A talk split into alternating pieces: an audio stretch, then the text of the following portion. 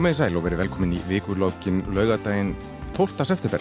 Milt höstveður víða um land og megi það vara nú sem lengst. En gestir vikulokkarna að þessu sinni eru þau Erla Björg Gunnarsdóttir, fréttastjóri stöðvar 2 og Bilgjunar, sér að Gretar Haldur Gunnarsson, prestur í Grafavogi og í hljóðveri norður og Akureyri er Kristján Þór Magnússon, bæjastjóri á Húsavík. Verið velkomin öll sömul. Takk. Takk að þið fyrir. Um, Erla Björg, til að hafa ekki með nýja stöðu. Já, takk fyrir. Uh, hvernig hefur fyrsta vikar í nýju starfi gengið? Hún hefur bara verið hansi viðbararík og, og, og skemmtileg Já. og, hérna, og ég er nú með þess að á helgavaktinu núna um helginu út að ég, náðu ekki alveg að taka mig á helgavaktum í nýja starfinu þannig að ég fæ að vera alla vikuna. Já. Það er bara frábært. Já, nóg að frétta. Nóg að frétta, sko. Já, Kristján Þór Húsavík var kannski ásamt stöðlagili líklega heitasti reytur landsins í sumar. Það kom út heil Hollywood mynd sem gerist í bænum og lægið Húsavík sló í gegn. Hvernig koma húsvíkingar undan þessu sumri?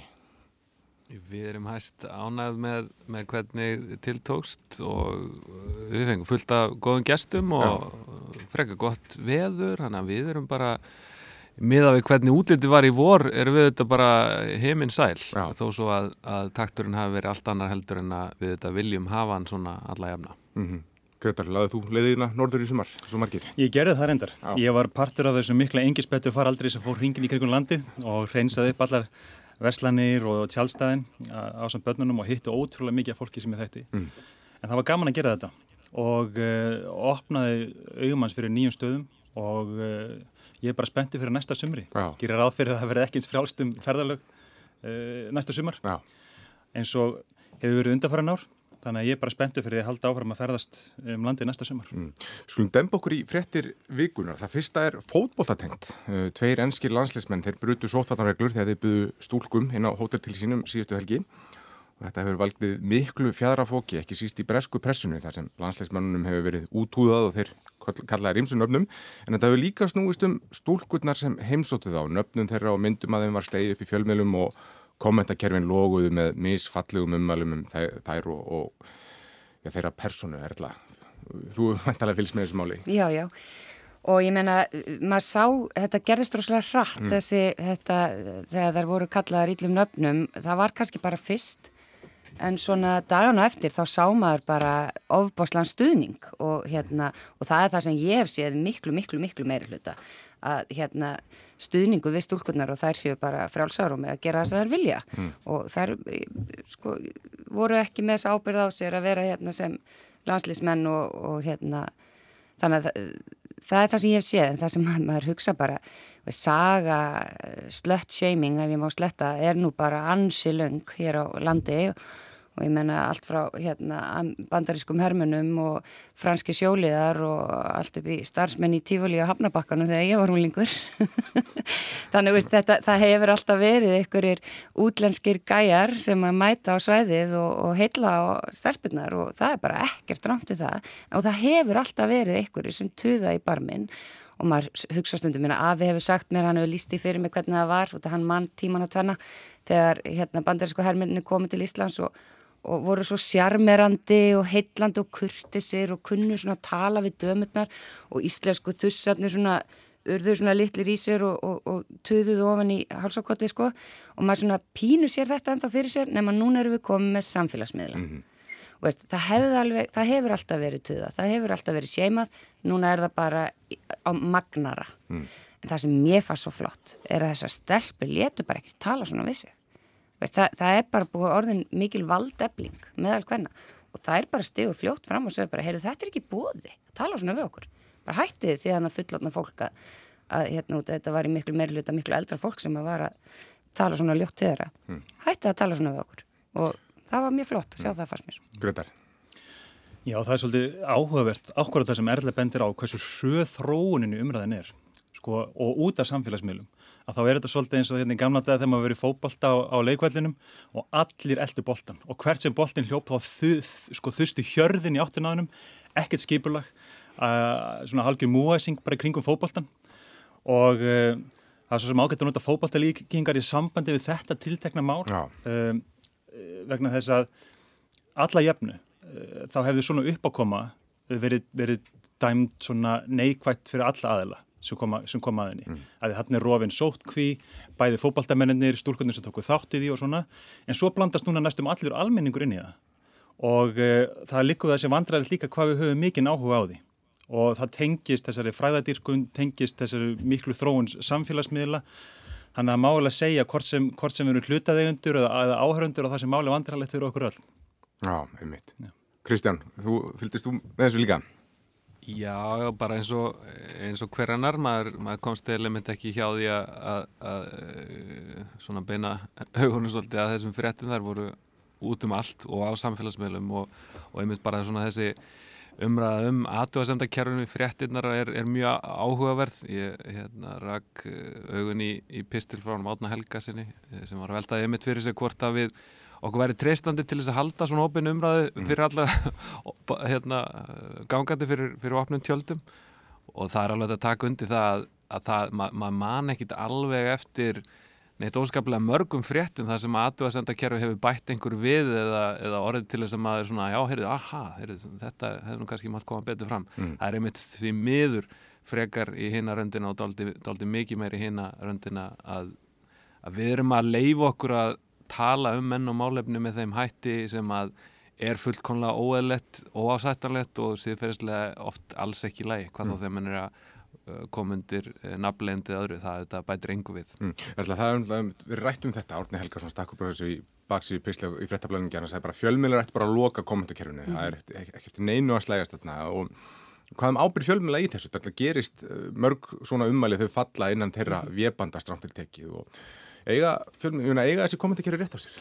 Sko það þarf fyrst að greina hérna svo milli. Fólk talar um aðtóðasamtakerfi mjög almennt mm. en í lang flestum tilfellum þá er fréttinni deilt á Facebook til dæmis í hópa eða þá á Facebook síðu fjölmiðsins mm -hmm. og mhm. flest ummælinn fara fram þar. Já. Ok, gott og vel. Og það er alveg eðlert að fólk ruggla sér saman. Maður er að skoða miljón síður og hvar ég sá þetta, ég sá þetta bara eitthvað starf á internetinu, skiljiði en uh, þetta með aðtöðsendakerfi þetta er bara fín umræða og við höfum alveg verið að taka þessu umræðu upp á fréttastofu.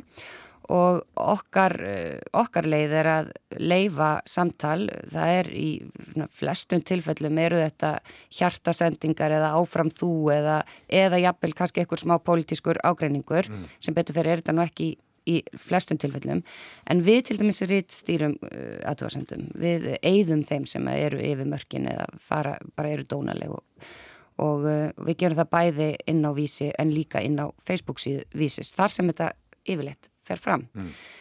þannig að ok okkar pæling er að hafa opið samtal við lesendur okkar, hafa, hafa gagvirt uh, leifa maður að taka þátt í umræðinni út að stundum spinnast alveg einhverjar ágættis umræður já, gæði þeir eru kannski veist, það fer eftir hverju meinum en, en eru ekkit endilega dónalegar. Mm. en, en ég skil umræðina í, í, en mér finnst mjög mikilvægt að, að greina þarna á milli að mjög mikið af þessu og, og, og ég skoðaði ummælinn verðandi þessar fréttir um þessar stúlkur. Þetta fór fram fyrst og fremst á Facebook Já. ekki undir miðlunum, sko á síðum miðlana sjálf. Á þá bara enga síðum með að fjölmiðlar gera, þeir, þeir deila kannski svona einhverju krassandi umælu með fréttum á sínum eigin, eigin samfélagsmiðla sínum og svo spyrja þér hvað aðfinnst lesendum um þetta og þeir svona mm. reyna að kalla eftir viðbröðum. Já, já, sem ég gera það. Ennmitt. En, mér, já, já, nei, já, mér langar að mynda að benda þetta þennan aðgærin, sko, annars vegar henni opna umræði sem fyrir fram og svo hins vegar sem að ég skil vel að fjölmiðlar hafa hagsmuna af þar að segja að þeir vilja kalla aðtíkli að fjölmjölunum sínum mm. og ummæla, ummæla kerfi er á vissan hátt aðdrátturab fyrir marga. En síðan er það hitt að þeir hafa líka hagsmuna því að búa til smá moldviðir í kringum ummæli sem falla á aðtöksandi kerfinu. Netheima loga mm -hmm. eða eitthvað, eitthvað með þessum hætti og þá fyrst með stundum eins og, eins og fristing fjölmjöla fólks er svo að einmitt búa til óöður, jafnvel storm í varsklasi til þess að búa til lúpu í kringum miðlinn sinn. Og um, svo freysting, það er mjög skilnend að fólk skulle falla í hana en þannig að ábyrðin er ekki bara sko að hafa opið kommentarkerfi heldur líka hvernig er unni með það efni sem er, sem er sett þar inn mm. uh, Mótbröki væru kannski þá að, að við komum til blaða maður getur sett þar í ég það er bara augljóst að fólk hefur áhuga á þessu og ég er bara að svara þeirri eftirspilni mm -hmm. Algjörlega og það er misett hvernig þetta er sett fram af fjölmjölum fullkomlega mm -hmm. þannig að það er, það er líka svo litið tónin sem, a, sem að skila sér sko. mm. En sem ég er líka áhugavert í þessu er að, er að við erum auðvitað, ég er ekkert við sem að umræðan sem ekki að breyta svona frá því sem hún var, hún var hins vegar bara við í kaffistofunum og, og er þar kannski ennþá líka og veldúrsborðið heima og hjá fólki. En hún er að ofinberast og bara svona, eh, maður veldi fyrir sér eh, netsporinu sínu eh, hvað fólk er að segja og, og, og láta hafa eftir sér með svona á þessum ofbera vettvangi sem er bara þar og verður þar eins lengi og, og netið er opið.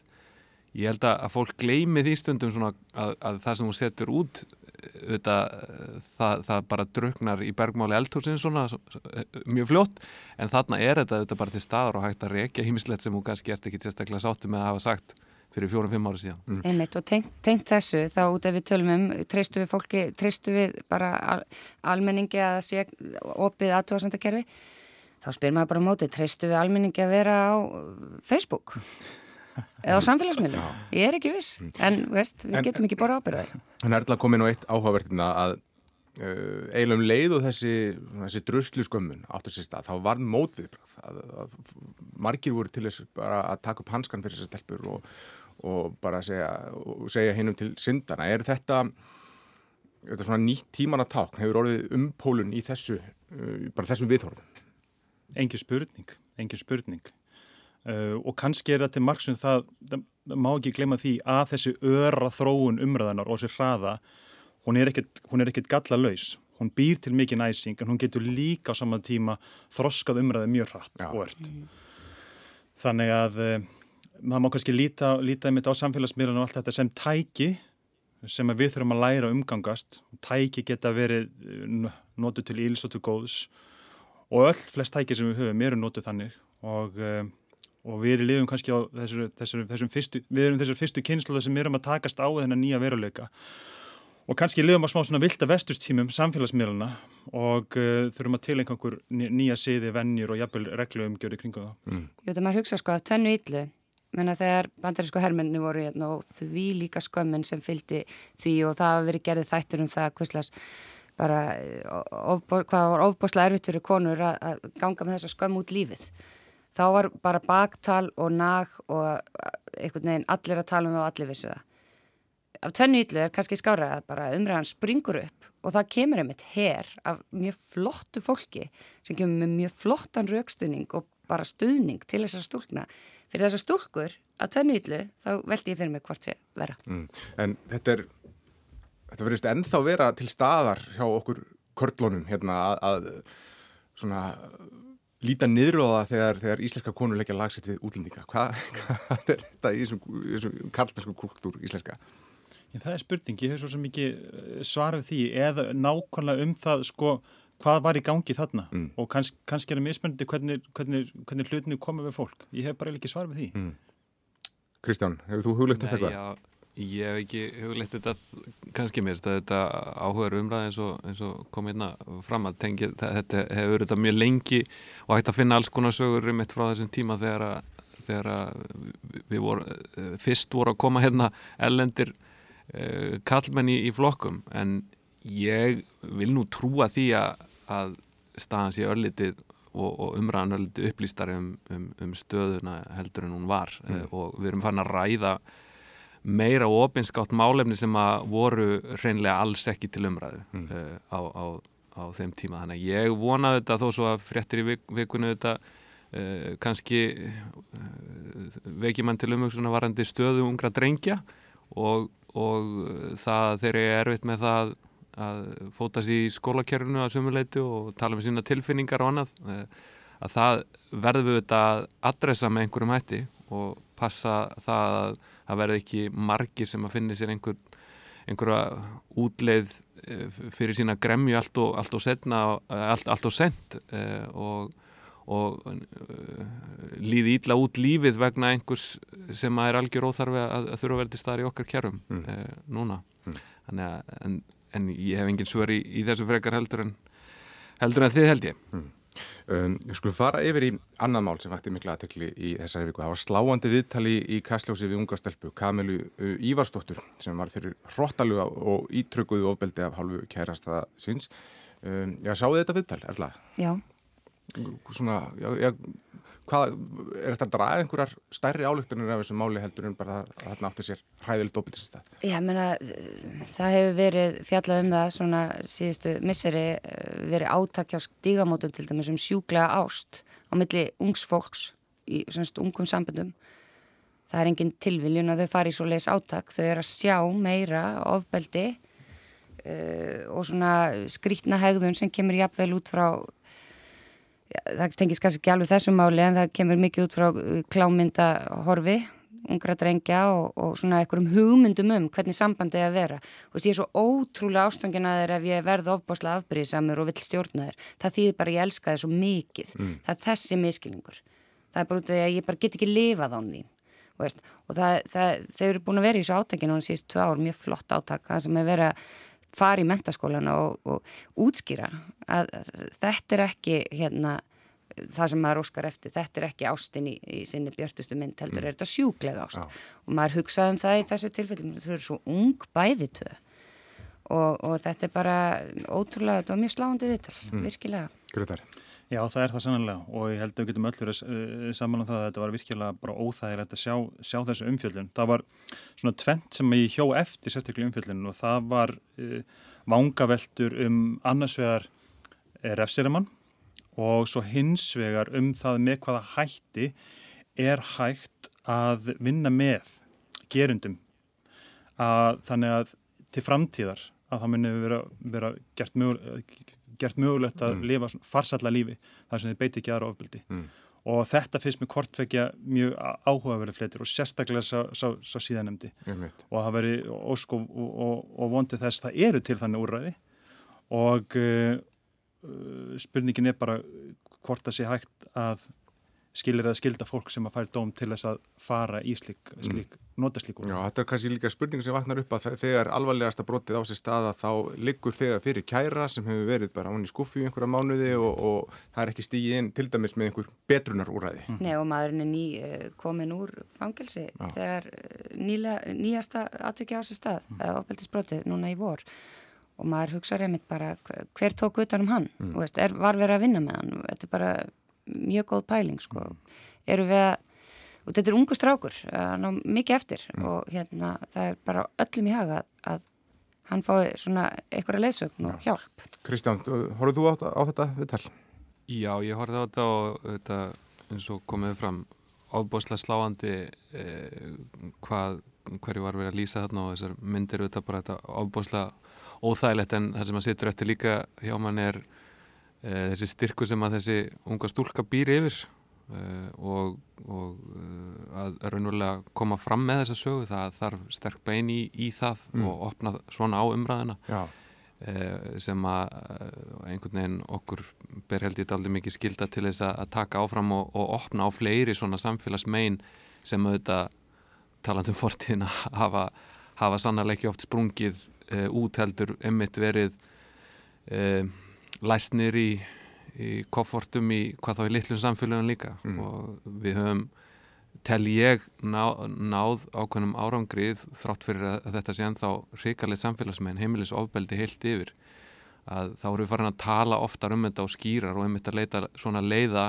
og eiga svona samtölum um það hvað er hægt að gera til þess að, að, að hjálpa uh, gerendum sem leiðis Eh, það er auðvitað eh, gríðarlega mikilvægt að, að taka það áfram og hérna á Akkurir er náttúrulega nýbúið að opna uh, nýtt hvenna atkvarf og sem að er gleðilegt á sama tíma og það er sorglegt að, að það sé þörf fyrir slíkt úrraði. Mm.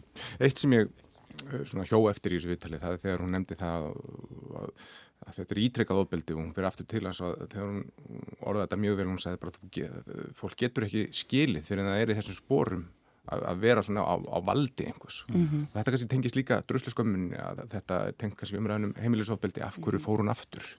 Já bara, viðst, ég átti einmitt fund með uh, starfsmanni sem síkja er sem voru bara ræðið með smál og þar fór hún inn í þetta hún fer víða með fyrirlestra og annað uh, og er að til dæmis upplýsa helbriðstarfsmenn þeir sem taka á móti konum sem hafa voruð fyrir heimilisofbeldi og þetta er fyrsta spurning svo margra, mm. af hverju fór hún aftur og það er bara mjög bara nöðsynlegt að reyna að skilja að við getum ekki skilja það nema að hafa verið í þessum aðstæðum. Út af því ofta er þetta bara ofbásleg uh, valda uh, misræmi á milli einstaklingana uh, oft hafa, hafa bara ákveð tak á konunum og svo er það bara þessi von sem er greinlega sterkari en allt. Von um að hlutinni séu breyttir. Von um að við getum eins og það börniði hlut, verið fjölskylda og, og fundi út úr þessu. Og bara ég held að hún sé bara öflugur enn svo margt þessi von. Og svo má ekki gleyma, þeim eitt öðru því til viðbótar sem að gæti verið útskýring að hluta til að mjög gjarnan þá er það svo að ofbildismenn og þeir sem sína sjúklega þörf til að stjórna upplifa mjög mikið mannmátt og upplifa sér jafnvel sem fornalömp upplifa sér eins og þau sé að missa stjórn á hlutunum.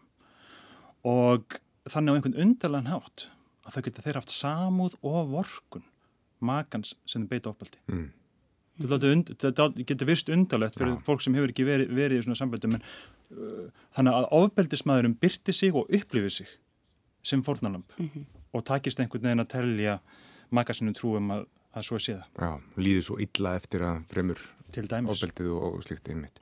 Um, skulum fara yfir að næsta máli sem var nú eitt af umtalaðasta eitt af umtalaðurustu málum vikunar. Það var auðlýsing frá þjóðkirkjunni fyrir sunnudagsskóla Eh, þar sem Jésu byrtist með brjóst og andlitsfarða og, og þessi mynd hefur kallað fram alls konar viðbröð, sumur lýsa yfir ánægi með bóðskapin, kirkjan sem er ofinn það fyrir fjölbreytileikanum og öðrum finnst það hinnlega að vera guðlast og svo er alls konar skoðanir hérna á milli. Greta, þú ert prestur, mm -hmm. Hva, ja, hvað segir þú? Það þarf að gera ákveðnar sko aðgræningar í þessar umræðu og það eru margir meðlan þessi stjættinni sem gætu vel þóla svona myndgerð og jafnvel hampaðinni og ég hef heyrt að sé það gert en þá kannski helst ef það myndi að væri í öðru samhengi. Mm. til dæmis eins og ef við mögum að ræða myndlistasýningu hjá Kristínu Gunnlaugs og Granda að, eh, að þá myndi náttúrulega við ekkert hafa heyrt um þessa myndgerð. En þegar þú tekur viðkvæm mál, eldum mál eins og trú, kynvitund og börn og blanda því öllu saman í markas og kynningar átæki að þá ertu bara búin að búa til eitraðan koktel skringilan koktel að minnstakosti mm. sem að fáur eru tilbúinu til að drekka. Og þannig eh, virðist þetta hafi gerst að fólk, fólk á biskustofu bjóð til þetta þennan skringilaga koktel og sendi hann út og hann fór bara öfut ofan í óbúslega marga. Og uh, hvað við segja bæði innan kirkjunar og innan hins eginn samfélagsins vegna þess að það virðist vera að ekki nægileg forvinn að hafa verið unnin. Mm, þannig þið finnst, þið finnst þessi byrting hafa verið mistök? Þetta voru, þetta voru mistök, ah. engin spurning og uh, ég hefði viljað sjá í framhald af því uh, yfirstjórn kirkjunar ganga fram og uh, tala til fólksins sem upplöðu þetta sem mistök eða vinn einhvern veginn með þessa herrferðu öðruvís en, en það hefur verið talsvægt mikil þögn upplöf ég og hlundunum vindu fram mm.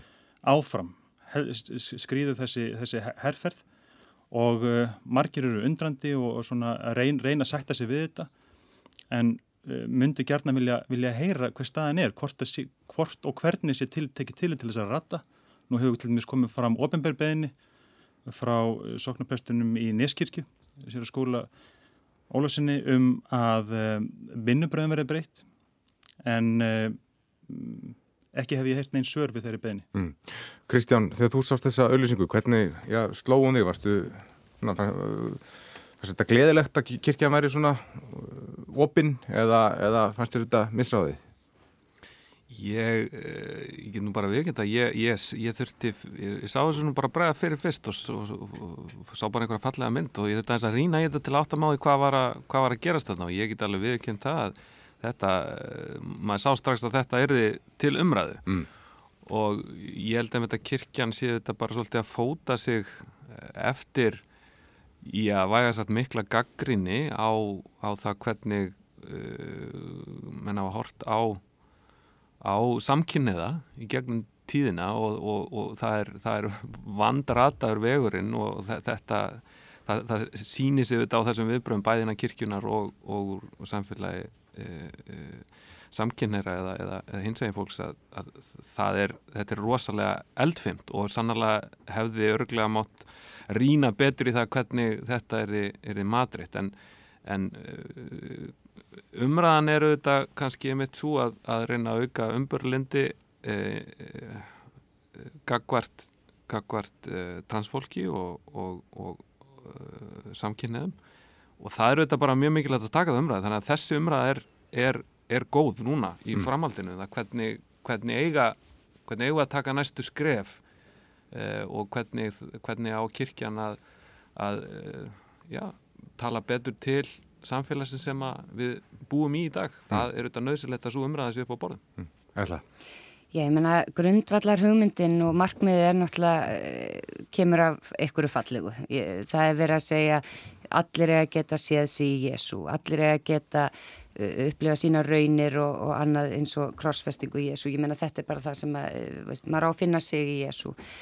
En þetta er bara, það sem ég finnst sko, í fyrsta lagi, þá er þetta náttúrulega skopstæling, þessi teikning hvernig teikna maður transmannsku er hún svona endilega? Er hún ekki bara svona venjuleg líka eins og við hinn hvernig hefðu þau teiknað homma? Hvernig hefðu þau teiknað lesbíu? Er þetta ekki einhvern veginn byggt á einhvers konar fordóma fullri sín og staðalmyndum? Uh, í öðru lagi þá er minnan mánuður síðan kirkjan óbyrla bað hins einn uh, samfélagið afsökunar á bara uh, 20 og 100 ára ofsóknum og, og, og leiðundum þetta er svona aðeins of snemt og aðeins of mikið að mínum að þið, mm. veist, þá bara að fara allar leið, bara sjáuði hvað við erum frjálslind og við hérna, erum til í þetta samtal og við viljum bara fara í samstarf með ykkur og við viljum bara vera all-in og maður svona, ah, þetta var bara svona, þetta er svo litið eins og þegar gamla fólkið af og amma ætla að vera ógisla töff, ég upplýði þetta þannig, ég upplýði svona, æ, þau fóru yfir strikið, veist, þetta, þetta var alveg svo mikið og vá hvað það hefði verið góð hugmynd að ræða við hins einn samfélagið um þetta til dæmis. Þau hefði geta komið fullt af góðum ábendingum og það hefði verið hægt að gera þetta mjög fallega. Ég hef ekki mikla ráð að gera börnunum í þessu samhengi. Eh, þau eru svo fordómálaus og umburalind yngsta kynsluðin að ég held að það takkar ekki eins og eftir þessu á þessari mynd en það, þetta er svona, já, æg, þetta er svona, þetta eins og þú orðaði vel, þetta er svona þessi koktel eh, þetta var bara aðeins svo mikið og aðeins svo vekkvöldin uh, eh, flippað. Mm. Mér staldi, þetta er mikið sem að erðlega bendir á mitt og þannig er ábygglega eða maður verður ímyndað sér göfur ásendningur að baki og, uh, og kapsamt og duglegt fólk mm. Pétur Markan, samskiptastjóri, hann hefur unnið fyrir kaupinu sinni og ég meina, á Markan hattu þessar myndir sko, flottar og vel unnur og metnaða fullt mm og uh, þannig að, en hins vegar þannig partur af svona pjera kynningarvinnu hlýtur að vera að velta fyrir sig hvernig fer þetta síðan ofan í fólk. Mm -hmm.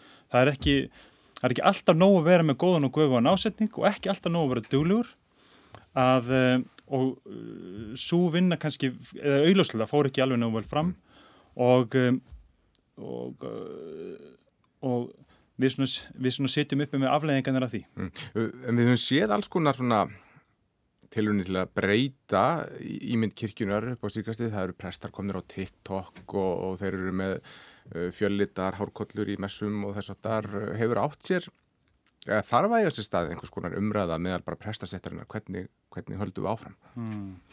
Já, sumpar gerist þetta náttúrulega. Mm. Þessir prestarnir sem þú nefnir sem eru á TikTok eru, eru tiltöla bara Þetta eru nývíkt fólk og er sér að bara kannski til margsum kynnslóðaskipti, fólk sem þekkir betur þessa, þessa tækni sem við erum, við erum hlut, hluti að.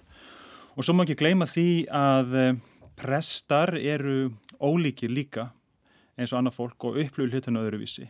Einhverjum finnst eðlilegt að vera með, vera með eh, marglita hárkollu í, í fermingu öðrum finnst eins og þann sé að gera ferminguna léttvæga eða eins og hann sé eitthvað með því að gang, vera með trúðahorkallu í, mm. í fermingunni.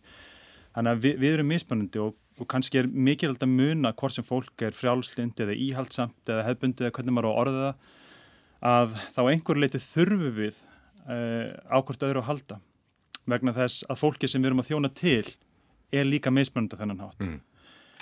Og samtalið er mikilvægt, gafkvæm virðing er mikilvægt en alltaf áskorun þegar öðrum finnst eins og, eins og hlaupi sér og, og langt í eina átt fyrir mjög næra. Mm. Kristján, erstu samanlæðið því sem Erla saði að, að kirkjunni hafi kannski leið aðeins svo mikið á að, að verða hipp og kúl í augum yngra fólks? Já, ég held að það er ríkt að orða betur heldur en Erla að gera hérna á hann. Þetta er, þetta er, þetta er ákveði yfirskott og sérstaklega mitt í ljósið sem, að, sem við vorum að tala um að að það er svo stutt síðan að, að það var að opna á ofbáslega erfi mál mm. uh, um það hvernig kirkjan hefur komið fram við hins eginn samfélagið Já. í gegnum árin og þá er þetta, þetta þá er þetta mjög, mjög, mjög, mjög skrítin staða svo ekki séu mm.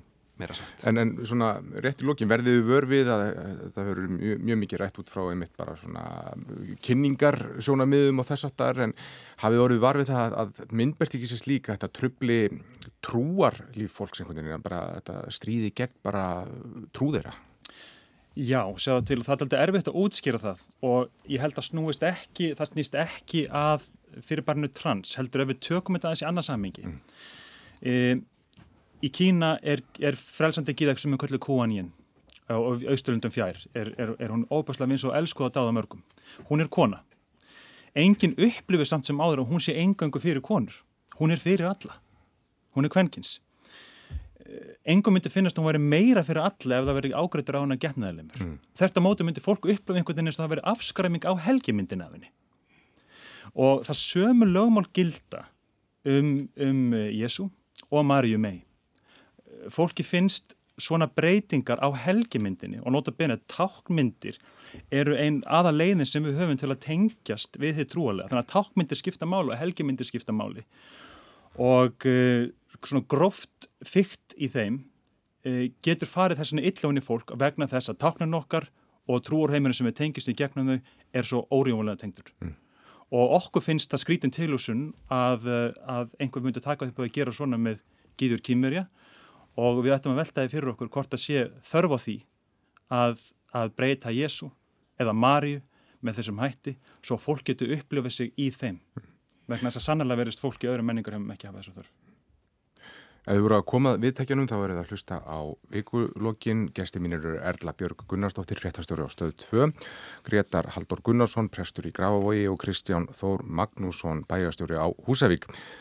Annað mál sem já, þjóðkirkjan hefur látið sig varða, það eru málefni hælisleitenda á flóttamanna og í vikunni þá hefur verið nokkur rætt um mál ekifskars fjölskyldu, hjón með fjögur börn sem sóttum alþjóðlega vernd hér fyrir tveimur árum Börninu eru komin í skóla, búin að læra íslensku en nú er búið að sinja umsók þeirra og þá vísa þeim á landi í næstu viku og óbreyttu. Erla þið, ja, þið sögðu nú fyrst frá þessu máli í vikunni. Já, og höfum verið að fylgjast með núna í síðustu daga og uh, sko, það sem að maður hugsa um og það sem við höfum reynd að fá svörfið er að í februar síðastlinum þá uh, var gerð reglugerðabreiting, uh, það var það fjölskyldu frá Pakistan að stittu tíminn sem er miða við hvenar hversu lengi meg að býða og þannig var þeirri fjölskyldu bjargað eh, eða sem sagt hún komst eh, fjekk að halda áfram að vera á Íslandi. Og þetta var mikið þrýstingsmál þetta fjölskylda sem bjóð í vestubænum þar sem margir eh, bara áhrifamiklir menn og konur búa mm -hmm. og þetta, þetta áhrifamikla fólk voru foreldrar vina þessa batna og það heyrðist hátt í þessu fólki og þarna var gerður reglugerðabreiting. Áslu Arna hefur komið fram í viðtala og sagt að það sé ekki hægt að gera breytingu á reglugerð í, hver skipti sem að það þarf að bjarga fjölskyldu sem að kemur fram í fjölmjölum. Og þarna setjum strax eitt spurningamerki. Bjarga fjölskyldu. Þarf að bjarga þessari fjölskyldu sem sagt. Er ekki verið að tala um hún getur alveg farið. Uh, hún, hún sé alveg örygg í heimilandi sínu hún, en gefum dómsmálar á þeirra það að uh, þarna hafa hún mismælt sig. Og þetta er svolítið undarlegt orðalag. En þá hugsa maður, af hverju er ekki hægt? Uh, hún, hún bendir á úrskunar nefnd útlendingamála að þeir hafi loka orðið en hún gerði reglubreitingu þarna í, í februar og maður hugsa sko, þarna eru að tala um 25 mánuði, mm. það fólk var bara búið að vera enn í 15-16 mánuði. Og það eru búin að vera skrittni tímar núna síðustu, síðasta hálfa ári rúmlega. Veist, það er alveg hægt að gera breytingu sem að teku til í til COVID án þess að verði uh, sem sagt fordæmi. Veist, ég skil alveg stöður á þeirra að get ekki hver skipti sem að vaki aðtegla máli breytt reglugerðum en það, þetta er samt svolítið sérstatt mál út af því að þau eru búin að vera hennar svona lengi mm. út af því að það er svo langu tími liðin. Mm. Kristján, þetta er enn og aftur eru að sjá svona mál sem uh, kemur fram og þau gerast mjög reglulega og það er, það er alveg greinlegt á viðbröðunum að þetta misbýður um, réttlætiskend margra þegar það á að taka, rífa fjölskyldu upp með rótum sem hefur einmitt komið sinna fyrir og, og okkur hefur einhvern veginn ekki auðnast að lagfara þessi mál frátt fyrir þrýsting þarum. Já, það er alveg rétt og, og það er mjög auðvelt að, að verða kumsa þegar að maður sér svona fréttir eins og maður sá núni í, í, í vikun og, og reyna átt að sjá hva, hvað er að gerast. Ég, eins og ég skil málið þá, þá eru það, samt þessi tvö mál uh, frábröðin hvort öðru.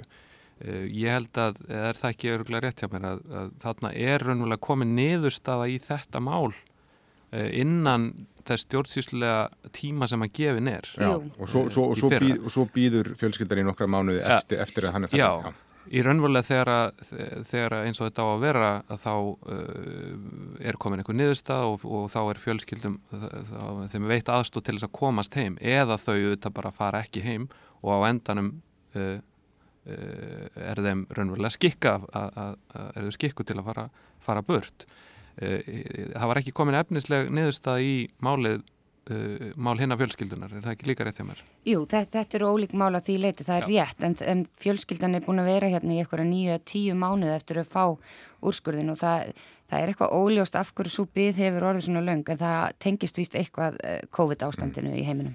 Alveg klart sko og, og ég held að, en bara til þess að halda þá um, umræðinu þetta bara til haga um það hvernig stjórnsíslan hjá okkur þarf að fungera því að hún verður auðvitað að, að vera í lægi og við verðum að reyna að stitta tíman sem fólk er að býða hérna og ég held að það hefur nú verið unnið eitthvað að því á, á síðustu, síðustu mánuðum og það, það verður jábel enna að stitta þann tíma. Eh, en það er líka umhengsluna verðt sko Eh, hvað er mitt tekur við þegar að niðurstaðleikur fyrir og, og af hverju eh, hægt er að býða uh, hér í landinu emitt í einhverju óvissu þá þetta lengi mm. en vissulega er þetta skrittið tíma vegna COVID og erfitt að komast í burtu eða til landsins á, í þessari stöðu þannig að þetta er bara, þetta er þetta mjög flókimál mm. Gretar uh, Kirkjan eins og ég nefndi, þau hafa nú tekið mál, málum við flótamanna og, og hælistum upp á sína arma Sannarlega og núna á kirkjöþingi um, líka fyrir tvær álöktunar, annars vegar álöktun um það að eh, þjóðkirkjan standi fólki flottamönnum, hún er, hún er þeim opinn mm. og veitur henni þjónust og þá gerir hún svo sannlega. Við erum með ennbætti, ennbætti prest-innflytjenda sem að vinna mikið með þeim og hóp presta sem að er með honum í þessum málum að hjálpa fólki bjóða velkomið, veita þeim stað til að koma saman og styðja þau í þeirra málum og uh, síðan er önnur álöftun sem fjallar einmitt um þessa málsmeðferð þar sem að og svo álöftun kemur frá uh, eh, Víksleibiskupnum á Hólum Sól, sér að Sólvíu Láru sem að fjallar um það að breyta málsmeðferðinni og uh, veltaði, fyrir, veltaði upp hvort að, að það sé hægt og eðlilegt að senda fólk aftur til Greiklands mm -hmm. eins og staðan er núna mm -hmm. og hvað getur við sagt, ég held að allir hljóta að vera saman um það að það hvernig þetta tiltekna mál sem er núna vakið þessa umræðu get ekki verið þetta get ekki verið við viljum ekki vinna málinn svona. Ég held að sé nokkuð ljóst, ég held að allir hljóta að vera saman um það að hérna hefur farið eitthvað farið, farið úrskiðis og þetta skapi og valdi sásöka mm. sem hefur ómannulegur og, eh, og þess vegna er ég stoltur af, af, af kirkjunum minni með hvaða hætti hún hefur stuttu fólki og vakið aðtíkli á á erfiðru stöðu flottamanna. Erla, heldur þú að þetta mál færi svona þeim verði vísa út af því að ásmundur Einar Dadarsson félagsmálaráðara og batnamálaráðara hann sagði í gæra málið væri á borði dómsmálaráðara og hann treysti dómsmálaráðara til að aðgæta barnarsáttmálunum. Fannst þér að vera svona láti í það skína að, að var, var hann að undistrykka mikilvægi þessa? Já, maður getur, getur skiljaða þannig. Uh, án þess að hann þóri kannski að, eða veist, maður vil ekki fara að sprengja sér ríkistjórn maður vil kannski ekki fara yfir, í, yfir hennar málaflokk en skólastjórin í skólanu þar sem þessi börn eru uh, þrjú af þeim uh, var líki fréttum hjá okkur í gær og bara, heyrðu, við erum að fara að fá hérna réttindaskóla UNICEF á næstu vikum. Mm. þetta er bara fullkomlega gegn öllu sem við stöndum fyrir. Mm. út af þessi börn hafa aðlagast mjög vel. Og eins og þú segir að, Gretar, að þetta er bara þetta mál maður sér þess að krakka vera búin að aðlagast íslensku samfélagi, læra íslensku þau eru búin að vera einu of lengi. Hvort sem það er út af þau töfðumálið COVID eða hver þá berum við sem stjórnvald uh, ábyrð á því að það gerist ekki. Og ef það gerist þá finnst mér að við þurfum að taka afleðingum mm. um, Í þessum málafæðu sko að því við höfum þessum svon sambarileg mál hafa komið upp svo ofta á síðastlinum árum og valda uh, miklu uppnámi og mikill reyði og það verður mikill trýstingur en svona í grunninn breytist þetta kerfi ekkert. Það, það, það er breytingar sem hafa orðið, það ganga kannski aðalega út á það að vísa fólki fyrrúlandi frekar en að opna fyrir fleirum. Um, af hverju er þessi tókstreita hérna á, á, á milli? Er umverulegu vilji haldiði í samfélaginu fyrir að, að breyta þessum málflokki? Gretar? Þetta er mjög góð spurning. Ég meina, það tókast á þarna tvennskonu sjónamið, annars verður það að samfélag sem vil taka vel á móti fólki og með réttum hætti vil hafa innviði sem geta gert það, pólitískan vilja til þess að gera það og, uh, og, og svo hins vegar hitt. Uh, uh, hvað getur við sagt, bara hrein mann út fólk sem, fólki sem kemur úr erfiðum aðstæðum og hvert einasta ríki heimun stendur frammi fyrir þessari marklemi. Uh, í, í kristinu trú hefur verið lagð allt í gegnum tíðina gífuleg áherslu það að mæta aðkomi manninum og útlendingnum með uh, mannulegum hætti og kærleysirkum hætti. Nú, það fylgur samt ekki í sér að kirkjan sem samtök séu einhvers konar no borders samtök. Mm -hmm. Heldur hefur hún alltaf viðkent og skilið mikilvægi þess fyrir hvert ríki að hafa sín landamæri og hleypa fólki inn á hátt sem ógnar ekki stöðuleika þessi ríkis til dæmis. Þannig að þetta eru bara hluti sem þarf alltaf að hugsa saman og fólk í land, hverju landi fyrir sig fellur ólíku megin í skalanum. Mm.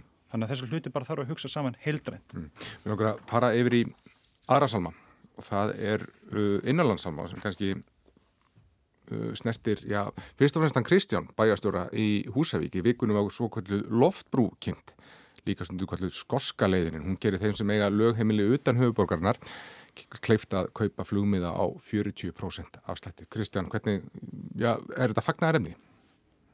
Já, þetta er klálega fagnarefni fyrir okkur sem, sem hér búum og ég held líka vinn okkar í höfuborginni að, að það eru alla líkar á því að við sem að búum hér uh, vísvegarinn landið uh, verðum tíðari gestir í borginni vegna þessa og það er þetta búið að, að sína fram á uh, jákvæðar afleðingar af, af þessari eða já, jákvæð áhrif öllu heldur já. af þessari aðgerði í Skotlandi frá 2005-06 eitthvað svo leiðis en ég er spenntu fyrir því að að nýta mér þetta og, og, og fyrir, fyrir fjölskyldinu þetta og ég finna þetta ekki nema jákvæð viðbröð hér þar sem ég sitt eða eh, malsið sangkvæmt eh, en svo heyrir maður bara eins og fólk sem, sem sittur til dæmis þar sem við sittum hérna í, í Reykjavík að ástundu sagt af hverju ættu þeir sem fljúa ekki að niðugreiða fljú til þeirra sem fljúa Já, það er þetta bara eins og með, með svo margt í, í, í því sem við erum að greiða fyrir skattan okkar sem var ekki endilega, endilega nýta þér. Auðvitað, það, það er líka bara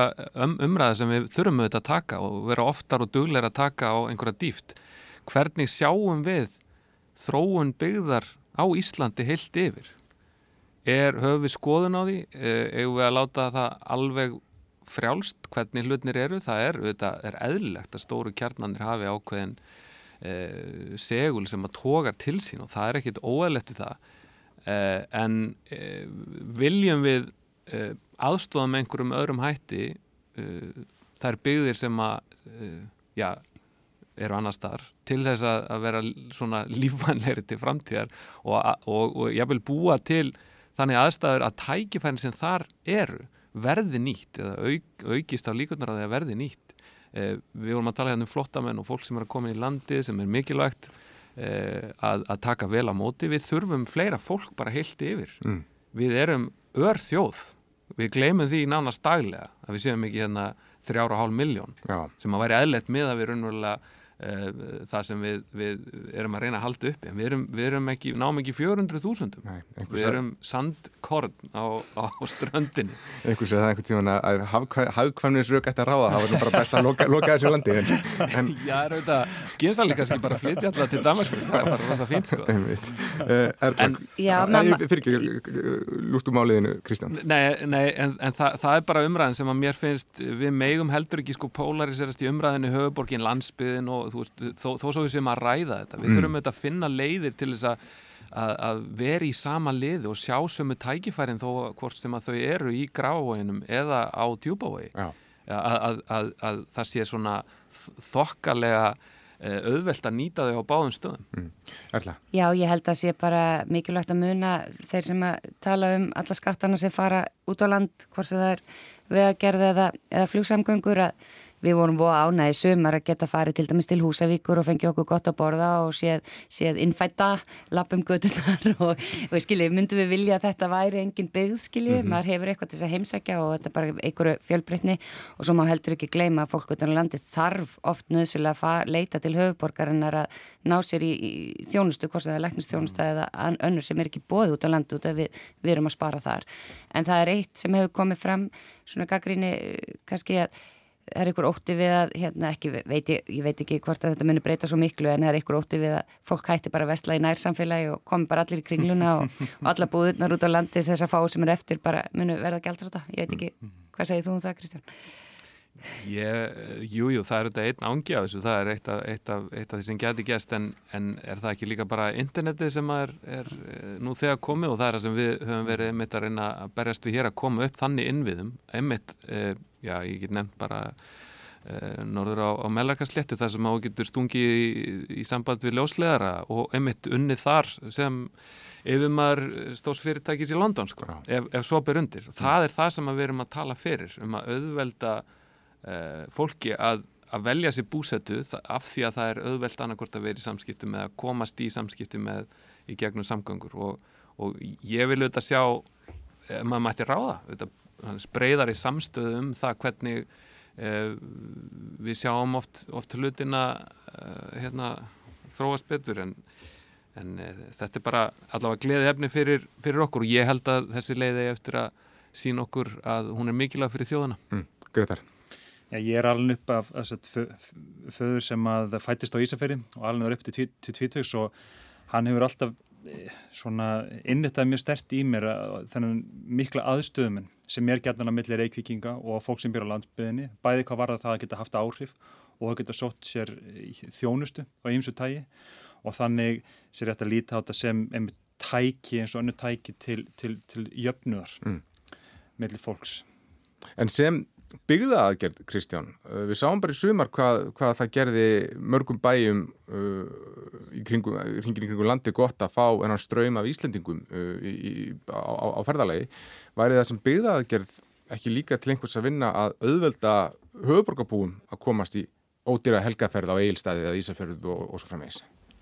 Jú, það er alveg klálega einhver, einhver, einhver í staði til þess bara varandi flugsamgöngunar, það sem að hægt er að að rína betur í stöðuna og, og ná niður almennu verði í sjálfsir en ef við förum líka að nota meiri uh, flugsamgöngur með, með, uh, í meira mæli þá þetta, ætti það líka að, að tósa eitthvað niður verðin ekki sett mm. og auðvelda þá fleirum að, að komast norður. En uh, það sem er líka gott kannski við þetta, við þetta sumar núna fyrir, fyrir okkur og bara sem þjóð er hvað sem mikið við erum búin að vera að ferðast út um allt og sjá raunverulega hvað ferðarþjónustan og, og fleiri greina hafa gert fyrir, fyrir staði eh, fjær höfuborginni sem að megin þóra landsmanna hafi ekki hugmyndum Já.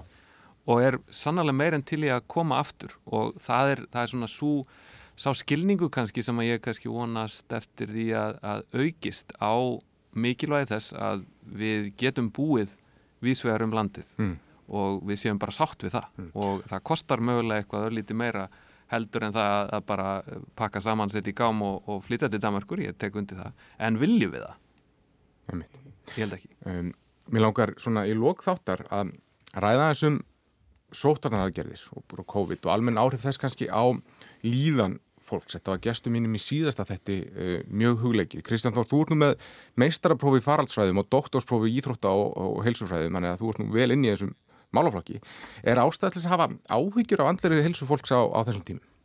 Já, ég, ég eh, er ekki nokkur um vafuðum það og við sjáum það náttúrulega bara fréttum síðustu vikna á mánaða hvernig það er að byrtast í auknum kostnaði sveitafélagana vegna, vegna þjónustu, e, félagsþjónustu og, og, og, auðvitað bara inn í helbíðiskerfun líka og við erum ekkert búin að býta úr nálinni með það hvaða áhrif þetta mun raunverulega hafa e, og þau voru mjög mismunandi eh, bæði sem maður sjálfur var að upplifa fyrir voru í svona þessari í fyrstu stöðunni.